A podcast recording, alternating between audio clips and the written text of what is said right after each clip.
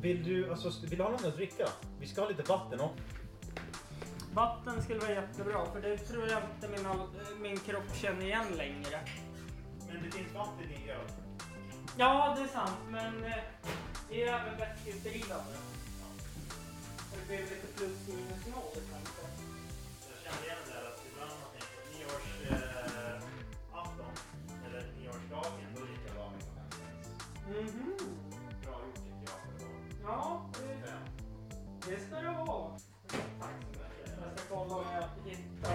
så ska få se min panik igår. Jag var ju tvungen att lägga ut det. Det här kommer jag på när jag duschade.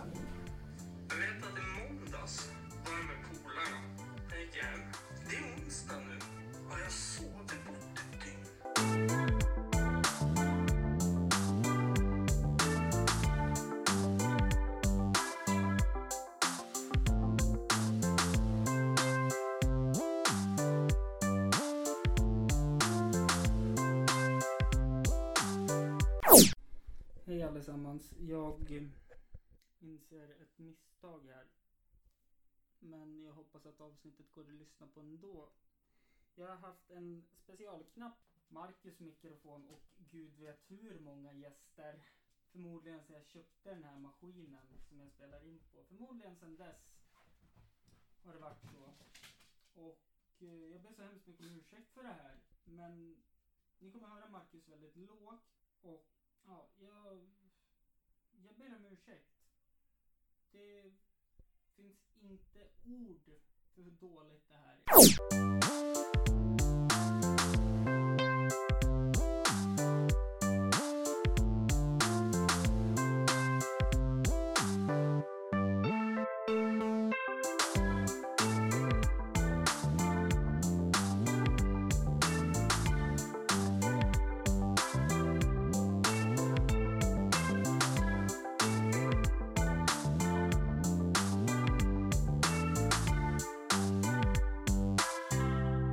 Alltså jag var, det var verkligen så här, vad, vad händer? För det är det osannolikt säga. Alltså en, en blackout är ju mer liksom under en... en Ja, en, en period ja. ja. Eh, nej, alltså det här är ju... Jag har ingen minne ens av att... Alltså jag vet att jag gick hem, ja det var väl, närm, var väl närmare tisdag morgon kanske. Ja, precis. Då gick jag hem och så käkade jag och så la jag mig på soffan och började titta på någon så här slapp underhållning. Ja. Typ, jag tror det var It's Always Sunny in Philadelphia som Ja. gick. Och så somnade jag. Och jag har ju världens snällaste hund. Ja. För han har inte väckt mig eller någonting utan han har bara legat och sovit med mig. Fan vad sjukt. Och så kliver jag upp, går ut med honom och så går jag och duschar och så ringer mamma och bara ja, syrran din har försökt få tag på det. Kommer du och äter idag eller? Jag bara, när försökte hon få tag i mig? Ja, igår. Du har inte svarat henne. Åh fan. Nej men alltså det, det var sånt mörker. Men idag då? eh, Ja, från igår till idag. Ja. Jag har inte sovit ett skit. Ja. För att jag sover för mycket. Mycket. Jävlar. Det är, alltså det är ganska bra gjort ändå. Ja. Alltså att sova bort utan att ens märka det. Mm. Då är kroppen... eh, Ja, den eh, är förstörd. Alltså jag fattar inte, även, även alltså jag fattar inte hur de orkar. Ja. De här som sitter eh, och har problem, Ja, riktiga ja. problem. Nej men alltså de bara köttar på. Ja. Och nöter ju av år på år på år. Mm. Ja, jag har ju åldrats så ofantligt mycket kan jag meddela den här julhelgen. Ja men... Eh, vi lever. Det gör vi. Och det här är avsnitt 245 av Hampus runda bord. 245, det är ganska många poddar. Det är 245 stycken. Ja, Inne på sjätte året nu. shit. Betydligt bättre saker än när jag började.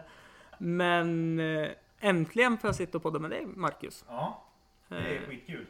Mr Kaffe. Vi, vi, vi gjorde ett försök Mm, för ett tag sedan. mm, I augusti. Ja. Mm.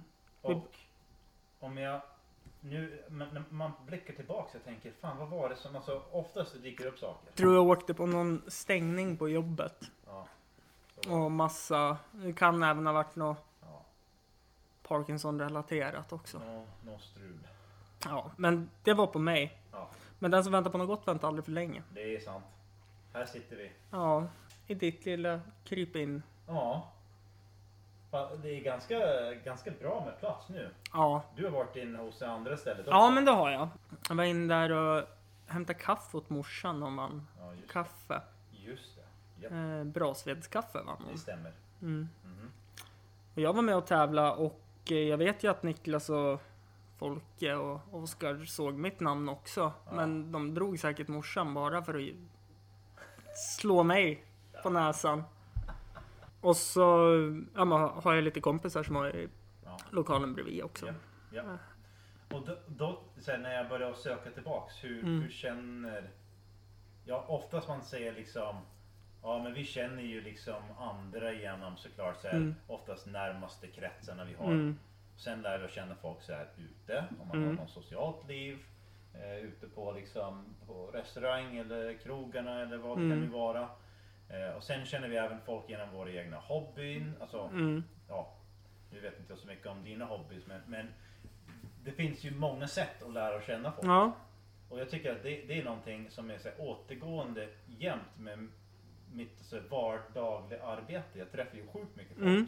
verkligen. Och det gör att liksom efter ett tag man lär känna ganska mycket folk. Mm. Men det är ändå ganska ytligt. Alltså, Mm. Det är snabbt. Det här är ju handel, det är en butik. Såklart. Men folk kommer ändå hit för att uppleva någonting. Mm. Och det är där att jag tycker att det är det roliga med mitt jobb. Mm. Jämfört med allt annat skit som man måste göra för att liksom saker Mm. ska fungera. Ehm, Men det är, eh, det är ganska kul tycker jag att, att vara bland mycket folk. Men sen har man behov av att försvinna. Ja, det... Du kanske känner igen det? Oh ja, det gör jag. Och eh, jag blev en sån här jobbig person. Eh, vi pratade om det i förra avsnittet också. Då skulle vi ha fördomar om varandra tyckte Sandra som jag hade som gäst. Ja. Och då var hennes fördom på mig att jag var en periodare. Inte som att jag dricker. Eh, utan att eh, jag umgås med folk i perioder, sen bara försvinner jag. ja. Och så är jag mycket. Att eh, jag är väldigt social en period. Sen måste jag bara få vara med mig själv. Jag tror att det är viktigt att vi kommer undan och får Mm. processa och få en paus och reflektera och säkert en massa annat som vi, vi tänker Mm. inte jämt på egentligen. Mm. Sist jag var här satt jag med en god vän. Ja, ja. Och, så- och så börjar man tänka så här. äh, De man umgås med mycket som man har lärt känna på fester och som man bara har. Mm. Vad har vilka är det man har mer utbyte med? Än bara att Ja, kröka. ja, jag tänker alltså för mig, jag dras till personer som bidrar med energi. Mm. Eh, och individer som kräver mycket energi Mm. brukar jag att undvika. Mm. Och jag ska inte säga att energi behöver ju bara vara på ett specifikt... För energin kan ju vara att en person som kommer in kanske så här, allmänt har lite kaos i sitt liv. Mm. Och behöver få lite ordning. Och även kommer till mig eller hit för att få känna jag vill inte säga ro, men, men på något vis. Ja, men jag, jag skulle säga lugn. Ja. För här finns det. Även om Ja. man dricker koffein för att bli pigg så Såklart. ganska laid back stämning här. Och det är därför jag, nu har jag inte varit här så mycket, men jag gärna går hit. Ja. För att här är det lugnt. Ja. Och man kan sitta med vänner och med dejt som jag suttit med här. Och det är inga problem. Nej. Det är så avslappnat. Och det... Och det är otroligt viktigt. Mm. Alltså, jag, jag orkar inte med en miljö som är kanske så att det är stim. Alltså, jo, det kan ju vara högt ljud här och det kan ju Mm. vara mycket folk. Men ändå man kan ändå känna sig lite hemma. Och ja, men jag sitter inte på, på fik jättemycket nu för att jag jobbar ju liksom Mm. mitt uppe i Ja. den här miljön. Va? Mm. Men sen när jag sitter här nu liksom, alltså jag känner mig lika mycket hemma. Mm. Och det är lite av omgivningen, färg, alltså val av Mm. färg på väggarna, lite varm liksom, varm känsla, naturliga liksom, ja men det känns, det känns inte industriellt eller liksom... Nej, nej men precis. Jag tänkte vara. nämna en av de större kedjorna. Men Ja. jag, jag gör inte det nu när du sa kedjorna. eh, och det är därför man väljer att gå hit också. Ja. Sen tänker jag alltså, vi människor vill ha egentligen bara en sak och det är koffeinet vi är ute efter. Ofta när man går Mm. på café. Sen sällskapet, sociala, visst. Det finns mycket saker vi kan, vi kan säga är, eh, är en, eh, en, en viktig del av varför man går och fikar. Ganska Mm. stark fikakultur här i Sverige. Ja, jo, det... Och i samma, samma sväng där så tycker jag så här. Alltid när jag har antingen jobbat inom café eller restaurangsvängen så man märker att ja, men folk kommer dit av olika anledningar som, som vi sa innan. Man bara Mm. trivs eller att andra går dit. Vi är ju flockdjur. Ja, men Vi så har- är det. Vi har ju det med oss. Mm. Eh, men att få folk att vilja komma tillbaks tyder på också så här, ja, men vad är det som gör att de känner sig bekvämt? Och som du sa, ja, men att sitta här utan någon bekymmer är ju Mm. oftast liksom. Och det är också en, en, en svår sida av kaféverksamhet överlag. Att kunna driva det Mm. och vara lukrativt. Om, om, om en person kommer och köper en kopp kaffe och kanske en kaka och så sitter det i två timmar. Man känner ju ingenting. Nej, det gör man Nej. inte. Men om de kanske går härifrån och säger, ja men shit alltså. Jag köpte en påse kaffe med, tog hem, köpte en till mamma, Mm. mormor, farfar, det spelar ingen roll, Mm. liksom någon som man tycker om. Och helt plötsligt, ja men shit man kan vara där och kanske så här, gå en kaffekurs eller man kan, Mm. Man kan lära sig något nytt om, om någonting som jag ändå liksom dricker varje dag. Det är, det är mycket mer Ja, med upplevelser.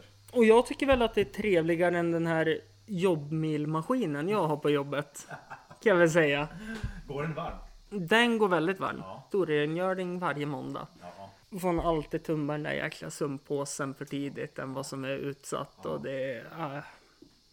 Men eh, Men det, är gör, det det gör sitt jobb. Det gör sitt jobb. Det gör det. Eh. Eh, och det är väl lite därför jag har tagit beslut om att jag inte ska dricka koffein på jobbet. Eh, för att det blir inte bra när det är så här massproduktions... Nej. Nej, och det, återigen, det, Mm. det handlar om och det, det där kan man snacka upp och ner om. Ja, men Mm. vi vet ju att maskinerna gör liksom det lilla. De Mm. brygger kaffe och det blir Mm. inte bra. Och det smakar som det Mm. gör av, ja men det är flera anledningar egentligen. Ja. Och jag tycker så här, och, gång på gång på gång folk säger, ja men vi har, vi har hällt i det här kaffet och vi har gjort si och så och vi rengör. Men det hjälper ju inte. Mm. Maskinen försöker här utvinna alldeles för mycket kaffe från för lite råvara ja, och så på så kort tid som möjligt. precis samt att som en matlagning som är ett stort intresse för mig. Ja. Det är inte så jävla mycket kärlek i det man gör i den där maskinen. Nej, man kan trycka på knappar hur som helst. Mm. Men har man lite hjärta och kärlek så blir allt Ja, mycket bättre. ja. Det kanske är någonting som vi ska ändå göra när vi är här. Brygger lite kaffe. Ja, det tycker jag absolut att vi ska göra. Det, är, eh, det är aldrig fel med en liten eftermiddagskopp. Har du druckit kaffe idag? Nej, det har jag inte gjort. Du ser. Mm. Men, Men, men, men, om, jag, om jag plockar fram lite grejer och vi, vi brygger här live. Kan man brygga live i en podd egentligen? Ja, det kan man göra. det kan man göra. Undrar om man får samma effekt när man kommer att lyssna på det här sen. Mm. För de som, som ska liksom lyssna på det här och känna åh, vad gott det lät med en handbryggt kopp Mm. kaffe.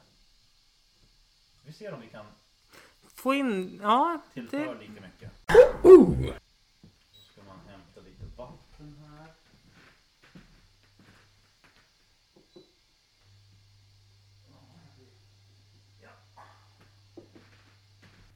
Sådär.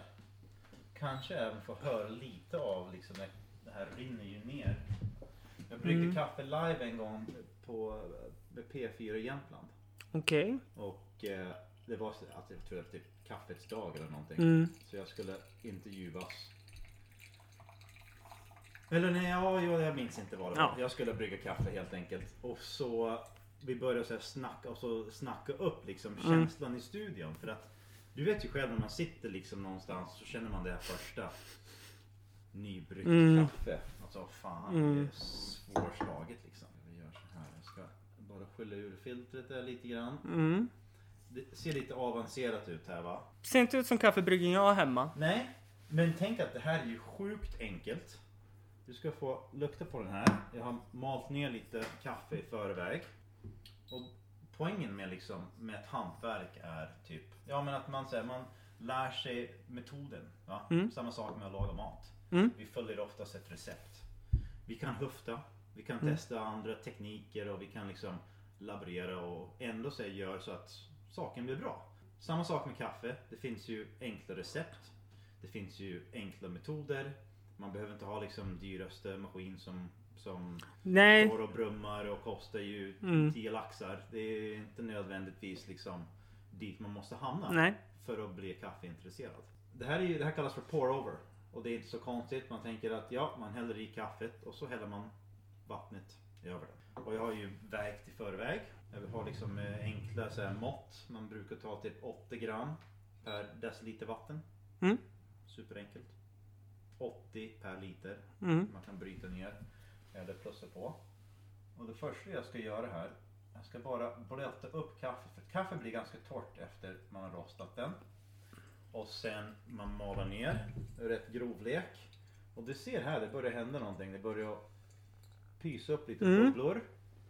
Det här är lite gaser. Det är lite Mm. koldioxid som Mm. släpps ut. Men det ser ganska fränt ut. Är lite, så här, lite, en liten hinna på så är det lite, så här, lite färger från gaserna som släpps ut. Och en del ämnen i kaffe släpps inte ut förutom det kommer i kontakt med vatten. Okej. Så det finns så här upplösningsbara liksom, ämnen i kaffe. Koffeinet till exempel. Ja. Koffein är ju liksom kemiskt ämne som krävs vatten för att, för att kunna locka fram. Mm. Så nu har jag liksom, nu har jag blommat kaffe. Den har blivit lite blöt bara. Mm. Och nu kan man verkligen gå in och börja fylla på och dra fram ännu flera smakämnen. Och det hörs lite grann. Det rinner lite långsamt här. Och det är superenkelt. En tratt, ett filter, någonting att fånga upp kaffet i. Och sen såklart, jag har lite, kanske lite extra nördiga redskap med, med en våg så jag vet hur mycket. Mm. Häller du i för mycket kaffe eller för mycket vatten eh, på kaffet då blir det blasket. Mm. Om man tar för lite det kanske blir under liksom under extra hela. Mm. Så det är, ja, det är så små, små, små saker. Men ganska liksom enkelt att göra. Jag tycker det. Ja, nej jag är fascinerad. För det här är sånt här som... Varför har man aldrig kollat upp sånt här? Jag... Ja, och, och såklart, Mm. alltså, när vi sitter hemma och vi har någon, ja ah, jag köpte en Mocha Master, nej jag köpte en fransk press, Mm. nej jag köpte si och så. Vi gör oftast likadant. För att vi vet att någon annan har klarat av det. Mm. Och det kanske passar oss. Eller är enkelt liksom. Enkelt nog. Ja, Jag har kaffebryggen hemma. Där är det Mm. verkligen att vara på sin vakt. För rätt som det är så svämmar det över i den. Så att då blir det sump i hela. Så att då blir det som när man Som ett monster. ja, men det blir som när man var hos mormor vet du, och fick en kopp kaffe och eh, hade stått på Mhm. hon hade bara fyllt på med vatten lite hela tiden så att sumpet följde med vet du. Och det, Koka på, ja, koka på koket. precis. Garvsyra deluxe. Ja, och det, det är det här alltså. Jag vet inte hur andra tänker, men, men när, när vi tänker på så här kaffe. Kaffe egentligen det är en lyxvara. Mm. Eller hur? Mm. Det kommer inte från Sverige. Nej, verkligen Nej, inte. nej. Det är omöjligt. Ja, äh, ja eller, Men- där, har vi en kaffebuske här borta på, på hörnet där. Ja, eh, men eh, nu tänkte väl jag lite mer på hur det ser ut. Ja. Till exempel i, nu ska vi se så jag säger rätt, Colombia är väl en av de stora Ja, kaffe... Ja, där har vi eh, världens kanske näst största kaffeland. Mm. Tredje, fjärde störst kan Ja.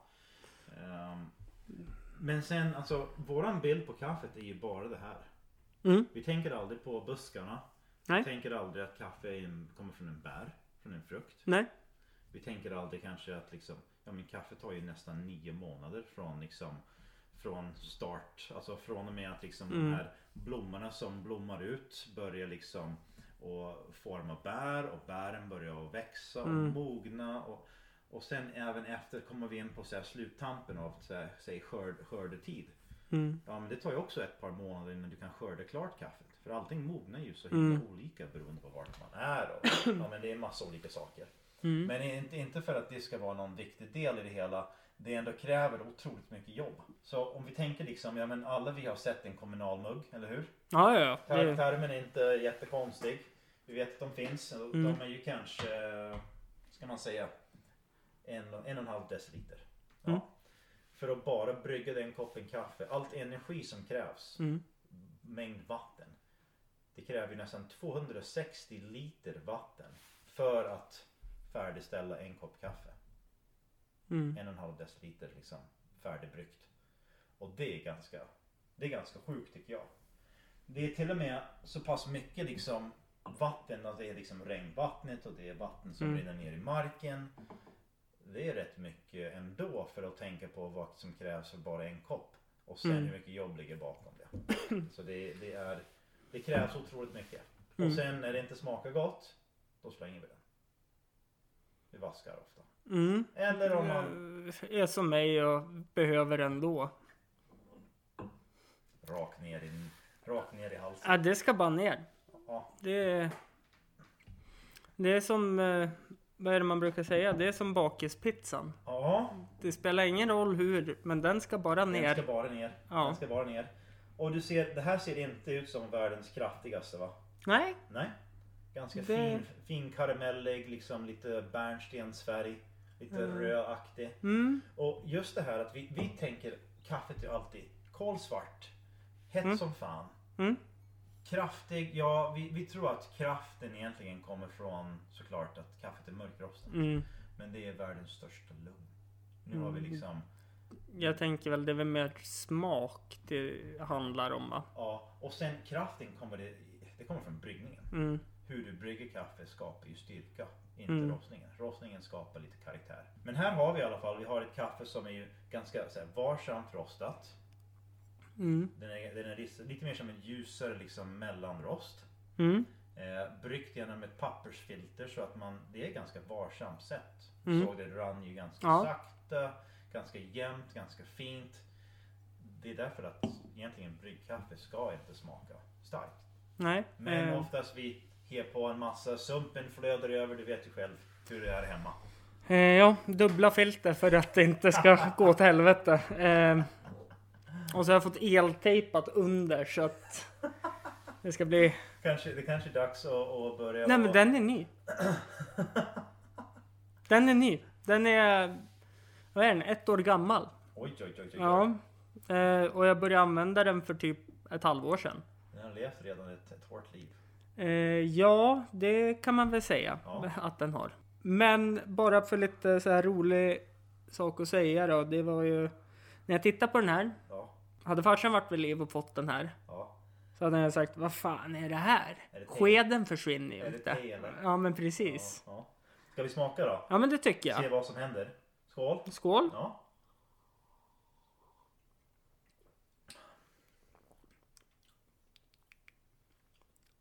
Det var jättemycket smaker i Ja. det här. Och visst är det mycket smak förutom alltså det här initiala. Oftast vi tänker så här. Det första man känner med kaffet är att det blir ganska, så här, ganska Mm. varmt och ganska hett. Mm. Så vi har inte möjligheten att känna så mycket. Nej, Smaklökarna pallar inte liksom 80 plus grader egentligen. Så nej. det är bra att kaffet kan svalna lite. Kanske vara liksom, nu är det lite tunnare glas. Mm. Eh, kupa här. Lite finare kanske sätt att dricka kaffe. Men det är ett sätt att få liksom känna båda aromen. Att kaffet svalnar ju hyfsat bra. Eh, men att, att det är inte det vi tror kaffet kan vara. Vad var det första du sa? Min första jag tänkte var men det här kommer inte smaka. Det är kanske lite Nej men brask." det är som, fars, som farsan skulle ha sagt när han Ja. såg. Ja. Och eh, ändå så smakar det otroligt mycket. Mm. Och det är ganska intressant för att vi har ju färdigställt bild på hur kaffet ska se ut. Vi har ju lärt oss hur det alltid smakat och sen när någon, något nytt kommer, Mm. vad gör vi då? Det blir ju ganska så här, en, udda Ja, upplevelse. alltså jag är ju svensk. Ja. Så jag blir ju rädd. ja. Och accepterar lite mer och mer i smyg. Tills Ja. att nej men så här har jag alltid druckit mitt kaffe. Ja. Ja. Eh, men jag förstår självklart. Alltså Ja. det, Det ser inte ut. Det luktar ju lite kaffe, absolut. Mm. Men det luktar inte det här fränt liksom bränt som kaffet kan, Mm. kan vara. Och det smakar Mitt inte kaffe heller- menar du? Ja, nej men alltså allt. Ja. Tänk så här. Tänk att 90% av kaffet vi hittar i en matbutik Mm. är kommersiellt. Mm. Så. Jo men så är det. Det är Det, handlar någonting. bara om vinst. Ja, Ja. Och, och det kommersiella segmentet, du kan inte säkra varken kvalitet eller det som egentligen borde vara lite mer rättvist. Mm. Men, men det kommersiella segmentet gör sitt. Mm. Ja, de, de skapar stora volymer och säljer liksom lika stora volymer för att kanske få en liten marginal. Mm. Men sen kaffet egentligen som många, många kallar det för en lockvara. Att du åker till affären ändå. Mm. Så att köpa kaffe kommer du ändå göra. Jo men så är det Så det ju. behöver inte kosta jättemycket. Nej. Men vi, vi, vi märker ju nu, eller jag märker ju också som, som både kaffeimportör och rostare så att det händer en massa saker när priserna skenar iväg. Mm. Hur ska vi, hur ska vi nu sedan ta det på allvar att ja, men, borde kaffe kosta egentligen så pass lite? Och vad händer om kaffets kvalitet ökas också? Mm. Och vad händer om vi faktiskt vet att våra pengar går till någonting bättre? Kommer vi att göra bättre val? Det är massa stora frågor. Mm. För kaffet kommer aldrig bli hållbart. Det kan vi bara sopa under bordet nu. Ja det...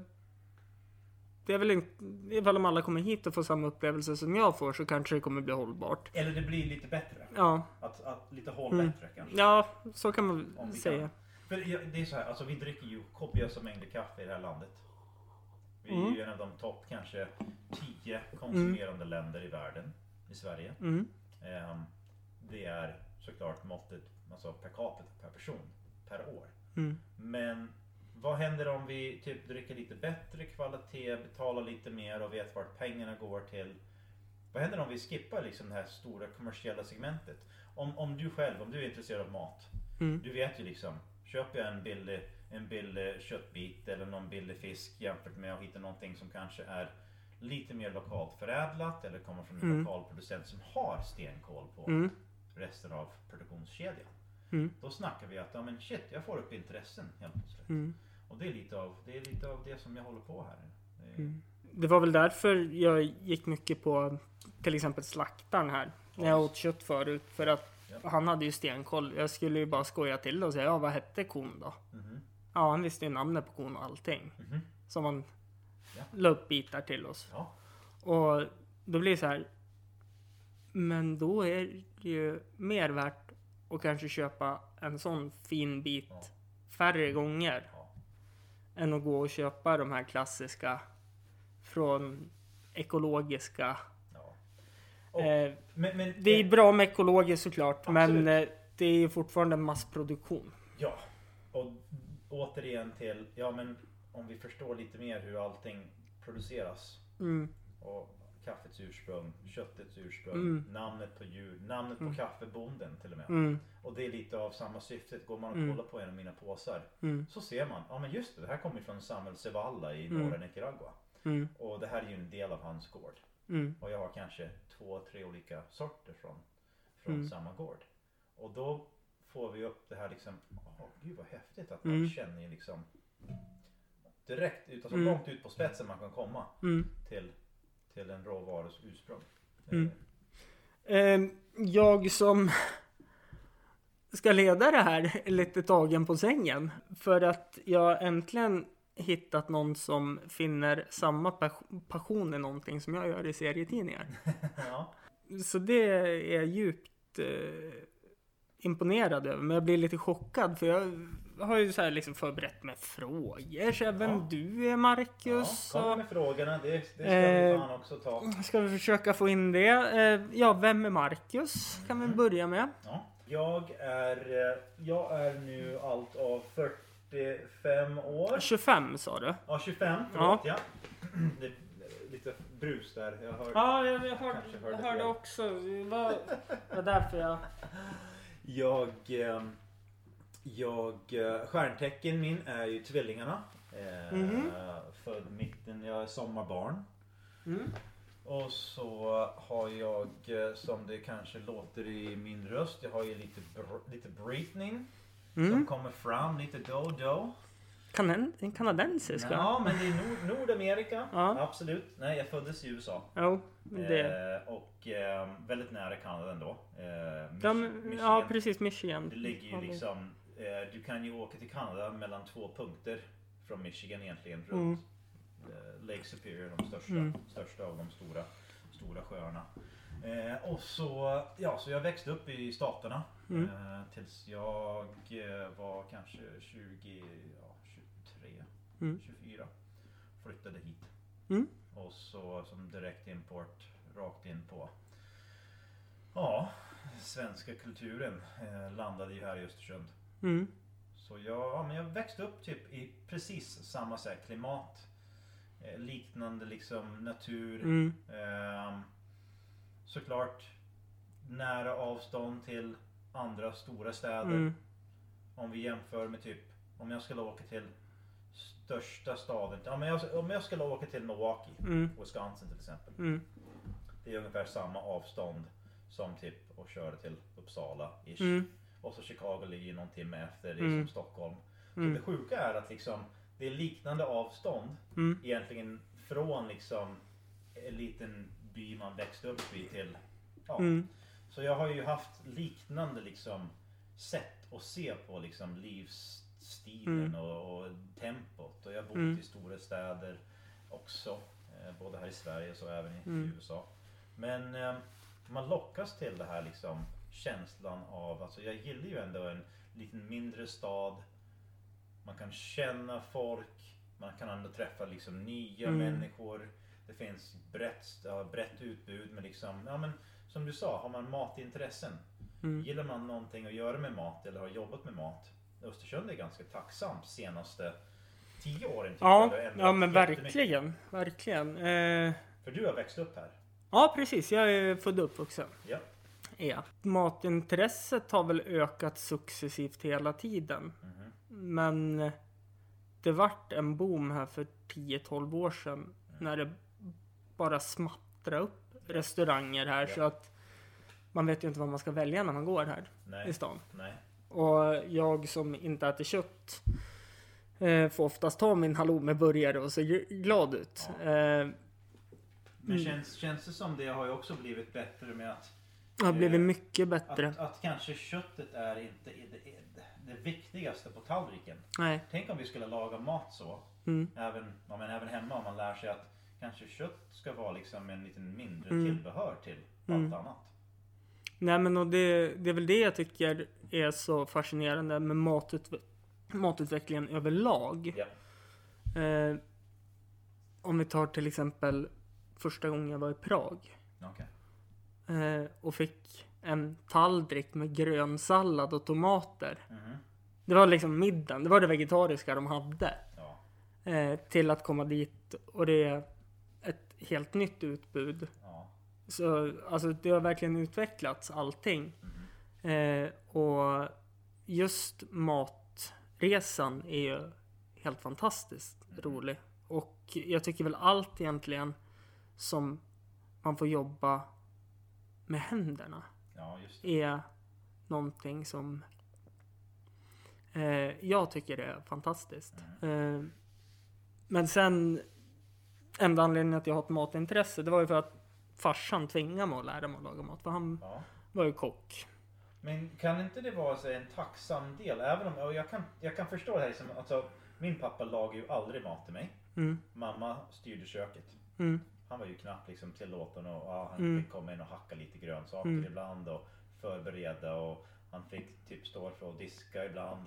men, men man kan vara tacksam för att någon av någon i, i familjen Mm. ändå så här tvingade den andra att vara med. mm. Eller kanske trigga igång intressen. Ja, alltså intresset finns ju såklart. Eh, men farsan var ju så där rolig. Han bara, ja men det är klart att du ska laga mat.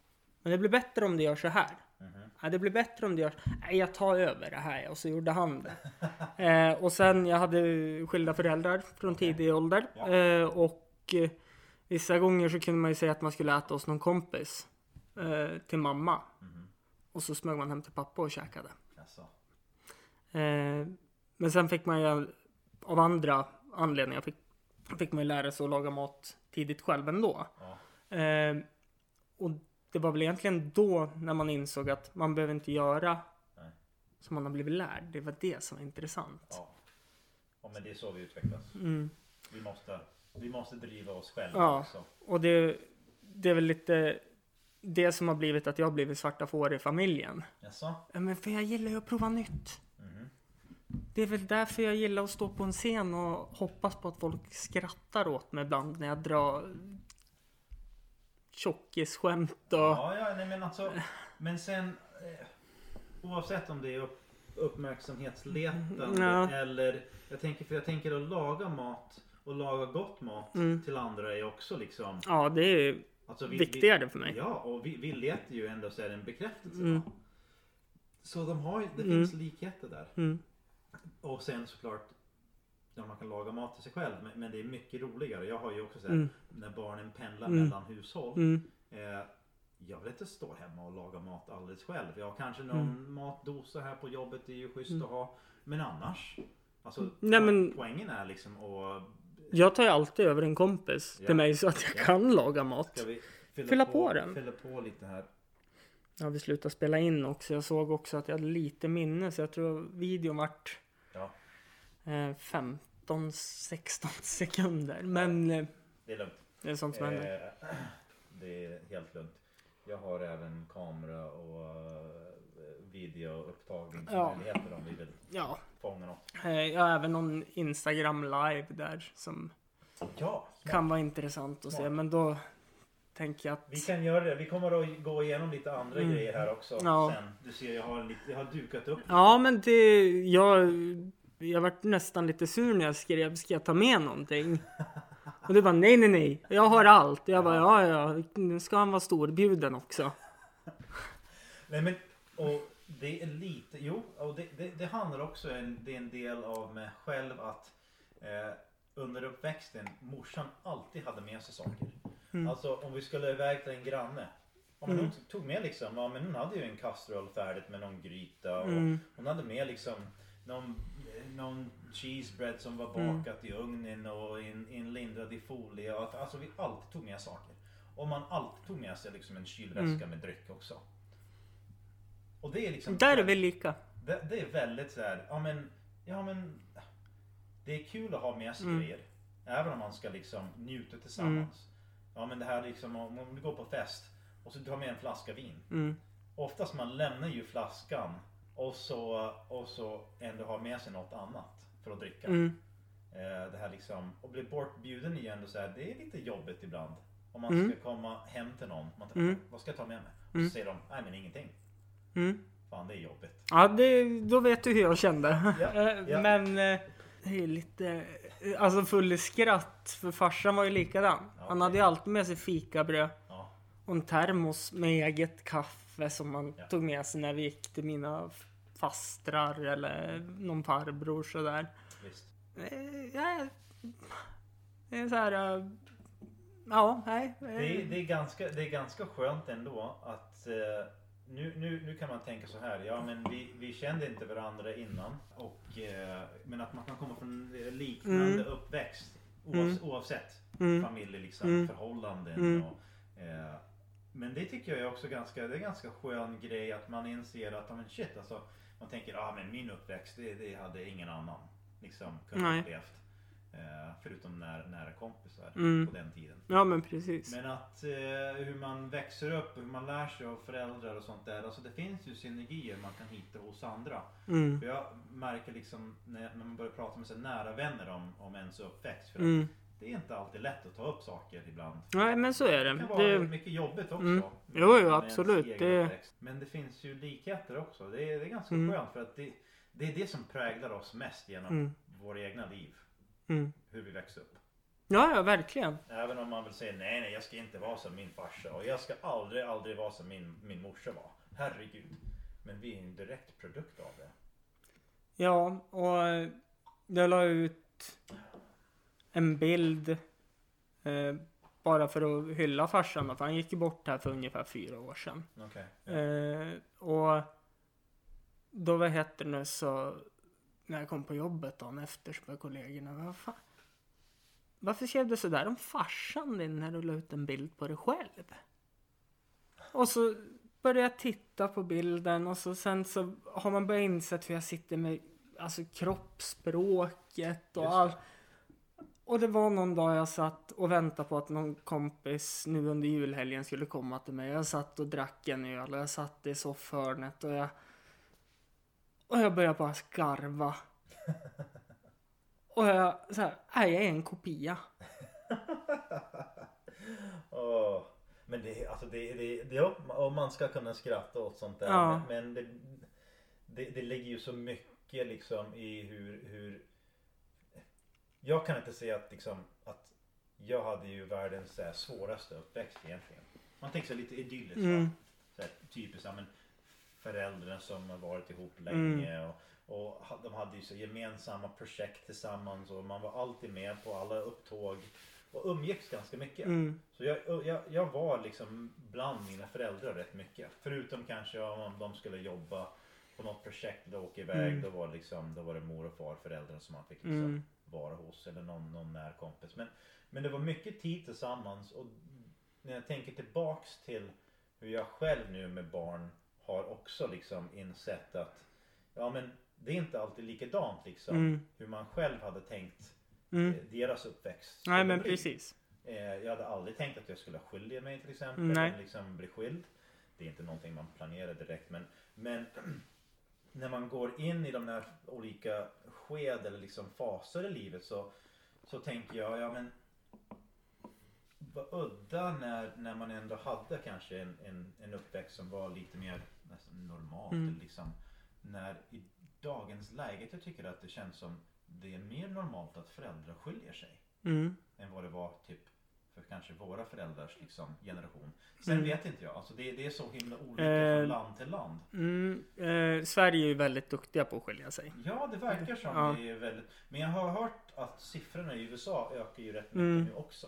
Men jag tror att där släpar man efter för att här är det kanske mer acceptabelt. Ja, men jag tror det också och att eh, nu kommer jag garanterat trampa någon på tårna. Ja, Eh, eh, men om man jämför eh, hur kristendomen ja, är i USA ja.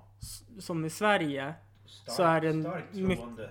Ja. Ja, absolut. Eh, det, det håller jag med. Och då är det väl lite genant att skilja sig. Eh, Men jag tror att man det förväntas att man håller ihop. Precis, lite som eh, mina mor och farföräldrar. I, I alla fall mormor och morfar. Jag ger mig fan på att de inte älskade varandra. Nej. Men de skildes aldrig. Nej, precis. Men eh, då, då kommer vi in på det här generations... Ja, men precis. klyftorna Ja, egentligen. men även att eh, som Sverige var då Ja. är väl kanske lite som USA När föddes du då? 1991. Okej. Ja. Så jag är ungt förstörd kan man säga. Ja, nej, men för jag tänker att även på... Alltså när jag tänker på 90-talet, 91 då gick jag in på gymnasieåren. Mm, Jag gick ju gymnasiet 95. mm, Eh, men, men då var det alltså... Då var det inte någon ens en tanke att man skulle skilja sig. nej. Varken någon av mina föräldrars liksom Mm. vänner, släkt. Men sen minns jag första syskon, min mammas, eh, ska vi se här, det var ju hennes yngsta syster hade skilt sig.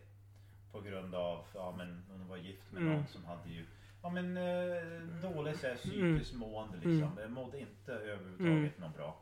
När de gick isär, liksom, det, det var det första gången jag ens tänkte tanken att, att liksom folk skilde sig. Jag Mm, var kanske åtta, mm, nio år. Så jag visste inte så mycket om det. Men det var lite, så här, lite tabuartat ändå. För det var religiös familj, katoliker. mm. Det var nästan lite, så här, lite skam att, att ens prata om det. Men när jag tänker tillbaks, det var säkert det bästa som hade hänt Förmodligen. också. Ja. För det verkar det blev ju mycket tumult då. Två sidor av ett mynt. Ja, eller hur? Mm. Eller hur? Mm. Ja, du tog ju upp lite att du flyttade hit i 20-årsåldern, sa du det? Ja, ja. Eh, snarlikt. Ehm, vad fick du att stanna då? Vad fick mig att stanna? Ja, alltså jag har under de här åren så har jag ändå varit fram och tillbaka. Jag Mm. har faktiskt ehm, efter jag flyttade hit så var det efter Östersund det var det en sväng ner till Uppsala. Mm. Det blev lite studier. Jättefin stad. Det blev lite studier. Jag fick kårlägg såklart. Man ska kunna Mm. komma in på nationerna Mm. i Uppsala om man ska leva ett, ett riktigt liv. Eh, så eh, lite, så här, lite låtsasplugg. mm, Sen fick jag ett jobb ganska strax därefter som, som personlig assistent. mm, Eh, så jag så här, klev in att ja, men man kan inte plugga hur länge som helst. Jag hade redan liksom mm, varit på college i USA, hade Mm. ju färdig examen som Mm. grafisk designer. Eh, och jag kände att ja, men jag, jag behöver ett jobb, jag behöver Mm. pengar mm. helt enkelt. Och CSN var inte direkt liksom läget att börja fundera på jämfört Nej. med att få Ja, jag vikade in på en, en deltidstjänst på typ 75% Mm. sen blev det 100% och eh, efter några år i Uppsala så blev det faktiskt en sväng tillbaks till USA Mm, i två år. Och det var ju liksom, det var ju, eh, alltså mitt ex fick ju eh, stipendiet för att vara på ett stort universitet ganska Mm. nära där jag växte upp. mm, Och vi sa, men shit, varför det? Varför inte? Det är, det är lika bra. mm, Så det blev efter fyra, fem år i Uppsala, då blev det två år tillbaks till Staterna. mm, Och sen under de två åren så lyckades eh, vi att göra ett barn. mm, Och vi skulle faktiskt få första barnet där. Men eh, efter typ sjätte, sjunde månaden så insåg vi att nej, fan det här kommer inte att gå. Mm. Mitt jobb hade fasats bort. Jag var på ett så här, projektanställning.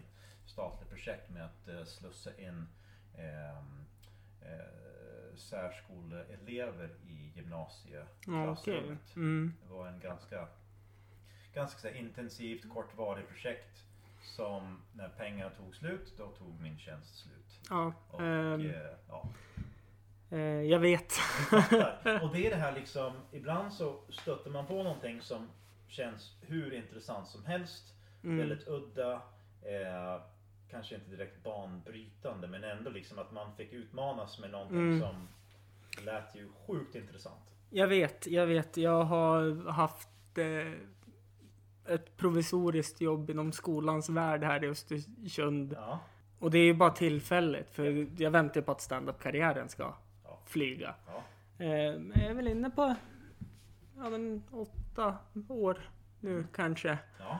Men att jobba med människor Ja, oavsett nu, alltså det spelar ingen roll vilken, vilken, vilken Mm. ålder, ja, eh, vilken liksom eh, förmåga, eh, hur, hur man Mm. ska se på liksom stöd, personligt stöd Mm. mot elever och Mm. andra människor.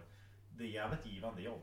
ja verkligen. Eh, Och även om man kan känna, eh, jag vet inte hur du känner ju liksom Hampus, men jag känner också att så här, ibland man tänker, men vad fan håller jag på med? Alltså det, man, man nästan blir så här uppsluken av att personer som behöver stöd och hjälp kräver också energi. Mm, Och vi var inne på det här innan. mm, Att liksom, hur mycket mm, ska man ge? Mm, För att man själv ska orka med. mm. Jag, jag vet. Ja. Och eh, alltså jag älskar mitt jobb. Mm. Men ibland undrar man ju vad fan håller jag på med? Ja, och det är, Eh, det är viktigt att vi ställer frågan. Mm. Annars eh, 40 år senare så sitter vi där och funderar på vad fan har hänt. mm, eh, och det är därför standup-karriären kommer flyga nu. Tju- 2023, det är mitt år. Så har jag sagt varje år nu. Tack så mycket. Ja, det är viktigt Ja, med vätska. det är, väl, det är väl lite så att min kropp vet inte hur det ska reagera nu när det får vanligt vatten i sig. Så att den... Ja, nej men eh, så karriären svängde där och, eh, och ef- efter de här liksom några år i, i USA eh, det blev en snabb sväng tillbaks för att, för att föda barn här. Mm, Så jag kom tillbaks eh, 2010. Jag gjorde ett digitalt möte mm, 2010 för att få ett jobb inom eh, LSS Mm. här i stan. Platsansvarig tyckte det var det galnaste hon har någonsin gjort Mm. inom kommunen. Aldrig gjort intervju på Skype till exempel. nej. Nej. Ganska banbrytande men... eh, Ja, jag kan ju meddela att det vart väl typ en fluga att göra sånt eh, under, eh, nu ska vi se, 2019, 2020 där. Ja. När det kom en pandemi. Ja, Det det. var väl typ då det slog igenom med webbintervjuer. Ja. Så, eh, ja, så jag lyckades att hoka ett jobb liksom när vi kom tillbaka. Och så har vi, ja men jag har varit i Östersund sedan dess. Mm. Ehm, och vantrivs. Alltså jag tycker det, det, det är fint här. Mm. Och just att vi kom tillbaks, ja men såklart anknytningen Mm. liksom med, med barnens Mm. mamma och, Mm. och hade familj här Mm. och vi kunde hyra liksom eh, hennes föräldrars radhus. Mm. Det blev enkelt Ja, egentligen. men också just det här att man redan kanske har ett nätverk också. Ja, vi, för vi kände visst lite folk. Mm. Eh, snart därefter så fick jag en tjänst eh, med att driva, driva kaféverksamhet Mm. på gamla tingshuset. Ja, okej. Och lite så här arbetsträningsmoment och Mm. lite så här socialt liksom. Mm. Socialt samspel med, eh, med jobb och Mm. arbetsträning. Mm. Och, så här, jag kunde fick jobba med folk ändå. Och då kom jag in i kafésvängen. Och sen dess, då är det liksom, ja. Då har det varit kaffe rakt av liksom senaste, senaste 12 åren. Ja, Ja. Det är mitt liv ett nötskal. inkörsporten. Ja, precis. Kaffe. Ja. Men kaffet är ju en ganska viktig social, Ja, verkligen. social ett socialt dryck som... Det är, men det vet man ju, man blir ju nästan så här. Va? Har du ingen kaffe? Tänk en dag utan kaffe. Ja, det är inga problem. Nej, nej det, det, och för, för vissa. Mm. För det finns ju även folk som inte dricker kaffe Mm. för att de påverkas kanske av, ja men som vi sa, liksom garvsyran eller fettsyrorna. Eller Mm. koffeinet. Mm. Eller att man dricker ju 10 koppar om dagen och får magsår. Alltså Mm. det finns ju saker som påverkar oss när vi Mm. tar till lite för mycket. Eh, jag tror bara, alltså jag dricker gärna kaffe. Och nu vet jag ju vad jag ska göra för att kunna dricka kaffe hemma också. Ja. Superenkelt. Ja, nej men och det är ju att gå ner hit och kolla vad jag behöver. Ja, för att få det Absolut. perfekt. Absolut. Och eh, jag bara tittar mig liksom runt omkring nu och det är ju, jag är omringad av Mhm. kaffe. Och det är fantastiskt. Ja. Eh, Bakom kulisserna så finns det nog Ja det finns ju nästan över ett ton kaffe Mm. där bak. ja, Tänk. Jag tycker alltid det är så spännande. Tyvärr de få gångerna jag varit här. Men Ja. när man ska säga hej då till dig. Mhm. Då står du där och fyller på kaffe i rostmaskinen eller Ja visst. Eh, så att det är bara en liten snabb, vi hörs. Och så, Ja, så ja. går man för man ser att du är, du har det du gör. Ja absolut. Det Mm. är sällan lugnaste stunden här. Det är typ nu. Mm. Och då kommer jag hit. Ja ja. Och ganska skönt ändå för att eh, det här är ju lika mycket liksom. Och jag, jag, när jag gjorde planer eller liksom skulle smida planerna för att bygga det här stället. Mm. Det började ju liksom redan förra året. Mm. Eh, eller jag, jag har haft planer i ett par år med Mm. båda de som äger de här fastigheterna och ett gäng som är ju också drivande liksom här eh, på samma, samma innergård Mm. eh, i huset bredvid. Och eh, vi har ju pratat länge om att sammanstråla våra Mm. idéer, våran alltså person liksom med att jobba varje dag med saker vi tycker Mm. om. Och sen att vi sammansvetsar att skapa bra platser. Och att, för, för mig att, att skapa en schysst plats även i en liten stad. Man tänker, ah fan vad svårt. Alltså, hur, hur ska man skapa sig nya förutsättningar i lilla Östersund? Man, kan tänka liksom, ah, men nej det, det går inte. Det Mm. kommer aldrig liksom att utvecklas. Men vi, vi bor i en stad där det finns ju otroligt många drivna människor. Ja, Det verkligen. finns ju en ganska stark scen för både kultur, sport, friluftsliv och naturen, gastronomi. Och så Mm. helt plötsligt tänker jag, men behöver man något mer?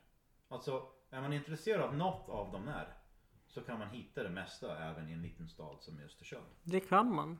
Ehm, kan man hitta en stand-up-scen? Absolut. Det kan man göra. Kan man gå och se på ganska bra konserter? Träffa ganska gött folk?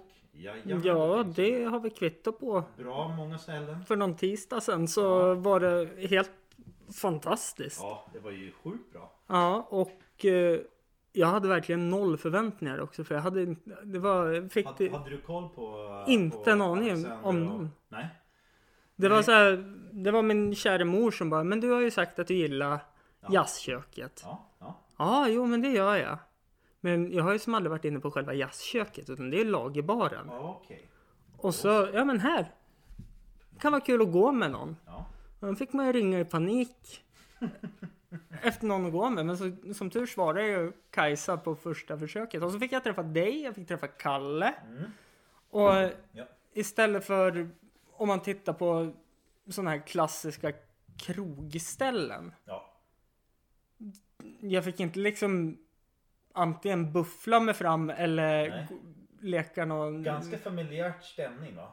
Alltså Ja, men- att ja, man, alltså- känner liksom, man känner en del av publiken, inte bara en i mängden. Men man är en del av liksom Ja. hela alltet. Det var det jag tyckte var så häftigt. Jag kände två, tre personer. Mhm. Kajsa, dig, Kalle. Just det. Men jag stod och pratade med tio till. ja. Som bara, "Ja, vad kul att du är här. Ja. Och det var så här, jag bara, "Men varför har jag inte varit här? ja. Jazzköket är ju som, det har varit mitt vardagsrum länge. Mm. Eh, inte bara för att jag levererar kaffe till dem men jag, jag dras till folk som gör bra saker Mm. och oftast det, det sätter ju liksom flera ringar Mm. på vattnet och det tycker jag är också en ganska, så här, en ganska schysst det är den här röda tråden i livet. Alltså, eh, det är inte alltid lika lätt kanske Mm. att man s- följer efter den men vi oftast hamnar ju liksom hos folk som vi både dras till Mm. eller som vi kanske även behöver för att få en liten kick till, Mm. åh, inte vet jag, gör en förändring. Eller Mm. att få uppleva någonting som gör att vi själva förändras som person. Eller att någon som utmanas, liksom, vi, vi utmanas av, inte vet jag, Mm. det kan ju vara vad som helst som gör att vi tänker till, Mm. ser med nya ögon, hamnar på ett nytt ställe som du sa. Ja, nej men och just det här. äh, Jag kommer ju inte gå någon annanstans nu. jo, det kommer jag såklart. absolut. Eh, och Men det är ganska skön känsla. Mm. Nej men och det här äh, som man gärna får göra. Man får stå länge och vänta på att få beställa. Och det är bara folk som kommer och man känner att man krymper in axlarna ännu mer så att bröstkorgen nästan pekar ut i ryggraden för man står där vid någon bardisk och medan så här var det så här, men oj, ska du fram? Jaha, ja men vad heter du? Alltså det, ja, nej jag, jag Som, och sådana ställen, är, oavsett om, om vi ska kolla liksom, ja men vi har ju många restauranger här Ja. i stan. Eh, och det här är ingen så här skitsnack eller förnedrande på, på andra Nej. ställen. Men jag tänker när du kommer in till ett ställe som jazzköket och du känner att du tillhör, mm, att du alltid kanske varit där. mm, Det är en, känsla, det är en ganska vinnande koncept för ja, mig. Eh, första gången jag klev in i jazz det var ju kanske när de hade först öppnat egentligen. För jag mm, kände ju lite folk Mm. som var ju på väg att starta upp det där Mm. och jag hade känt några andra. De var ju liksom och satt hos mig när jag hade kaféet borta på Tingan. mm, Och eh, de höll på att smida planer redan då. mm, Eh, så jag fick veta lite grann att nå- något Mm. nytt var på, på, på ingång i Mm. gamla potatisbaren. Om mm. man ska tänka tillbaks i tiden. Ja, det var länge Det sedan. var det? Shit ja. Mm. ja och, ehm, Det är som när jag beskriver varje gång jag ska gå hit. Bara, men vart är det då? Ja, Ja. ga- gamla karamellagret. Tänk att vi associerar med, med det förflutet Mm. liksom. Men det är också så här viktiga platser där Mm. vi kanske har spenderat tid. Mm. Eller har haft en, en schysst upplevelse. Jag tänker samma sak nu liksom. Inte vet hur länge det här stället kommer att, kommer att vara. Men jag vill att folk ska säga, kommer ni ihåg när vi gick på Kaffefolket liksom, Mm. där Big Lake drev? Mm. Vem vet? Alltså det, Mm. det, det kommer att förmodligen vara så att liksom det blir ju så här färdiginpräntat i, i att vi har upplevt någonting, haft någon Mm. Ja, det kan ju vara en smakupplevelse, det kan ju vara en schysst konsert som du, Mm. liksom, du sa här nyss att liksom Mm. Fan, jag hade aldrig gått dit annars. Eller att du kanske hamnar någon annanstans dit Mm. någon annan man kände skulle, skulle vara. Och jag har ju alltid liksom när jag har lärt mig att känna folk som jobbar och insett att ja men här är ett ställe som jag vill gärna stötta. Mm. För de är ju lika mycket Alltså vi är ju egentligen, ja men det är ju eh, en enkel affärsmodell att liksom Mm. de köper kaffe av mig. Jag går dit och äter. Mm. Såklart. Ja men Man självklart. stöttar varandra och jag Mm. tar dit grupper och ja just, just den kvällen så kändes det ganska liksom lämpligt att dra dit med ett gäng och liksom visa, ja men Mm. så här finns i Mm. vår stad. Lite hemvända kanske. Mm. Liksom. Hemvända kärlek också. Ja, nej Ja. men och jag tycker många ställen, även det här. Eh, tänker på Daniel som har varit med i några avsnitt. Eh, man värnar på något sätt om det lokala. Ja. Om det att det ska finnas bra, bra råvaror. Bra, bra förutsättningar för de som handskas med råvarorna. Absolut. Ja. Och det, som du säger, ringa på vattnet. What goes around comes around. Japp. Det Det- är otroligt viktigt. Ja, Det är det. och att man får, som vi nämner, det är återkommande. Man känner sig välkommen. Ja. Det är helt fantastiskt. Och som allt, jag, jag, jag, säger det här jätteofta Mm. men, men för att du vet ju själv så här, med vissa så här, när saker blir lite klyschor så, så blir det oftast att liksom, ja ja. Ta sidan dit man kommer. Mm. Man har, men, men jag tycker att så vi ändå, vi, vi dras till folk som har liknande kanske syn på, Mm. på saker. Mm. Om det är genomgående liksom hur vi vill leva vårt liv, vad vi vill äta, hur vi vill röra på oss, vad vi Mm. tycker är intressant. Men vi hamnar ju i de här kretsarna av liknande människor. Mm. Så det är inte så konstigt egentligen Mm. att vi kanske ibland dyker upp någonstans nytt och hade aldrig tänkt att gå dit men Mm. shit vad det blev häftigt. Eh, och eh, sällskapet är otroligt viktigt. Ja.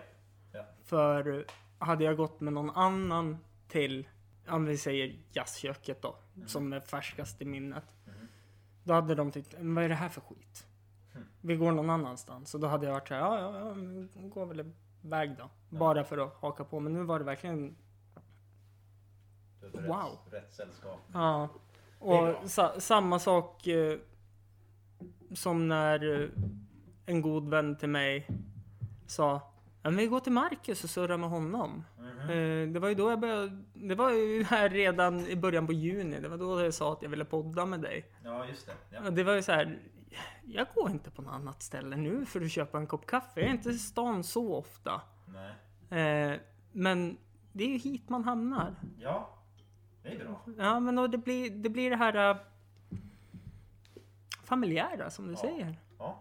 Det, är- och det, är- jag tycker så här. Vi kan, vi kan lägga upp planer hur livet ska se ut. Mm, Men sen det som vi inte kan, kan styra, mm, det oförutsebara. Det är oftast där, alltså det är livets läxor för mig. mm, Jag har aldrig någon plan egentligen att, ja men vem vet vart jag hamnar sen ikväll. mm, Jag kan dra hem lika gärna och gå och lägga mig på soffan och latcha. Eller jag kanske liksom trillar ju liksom ut på, på gatan här och Mm. hamnar på ett annat ställe. Alltså det, Ja, det, man vet ju aldrig. nej. Och jag brukar aldrig vara så här lås, en låst person som säger nej, nej, så där ska jag inte göra ikväll. Nej, det, det går inte. För det kanske begränsar att man upplever något annat.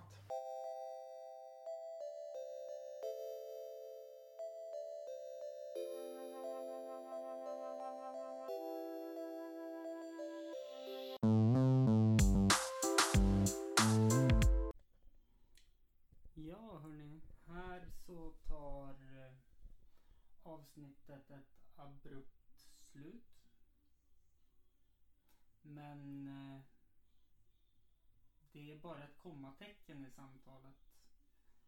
För det kommer en del två också. Som kommer nästa vecka. Eh, Jag hoppas att det var lyssningsbart. Och att eh, ni har en trevlig morgon, natt, Dag och kväll när du lyssnar på det här avsnittet. Och som vanligt, tack för att ni har lyssnat. Hej då!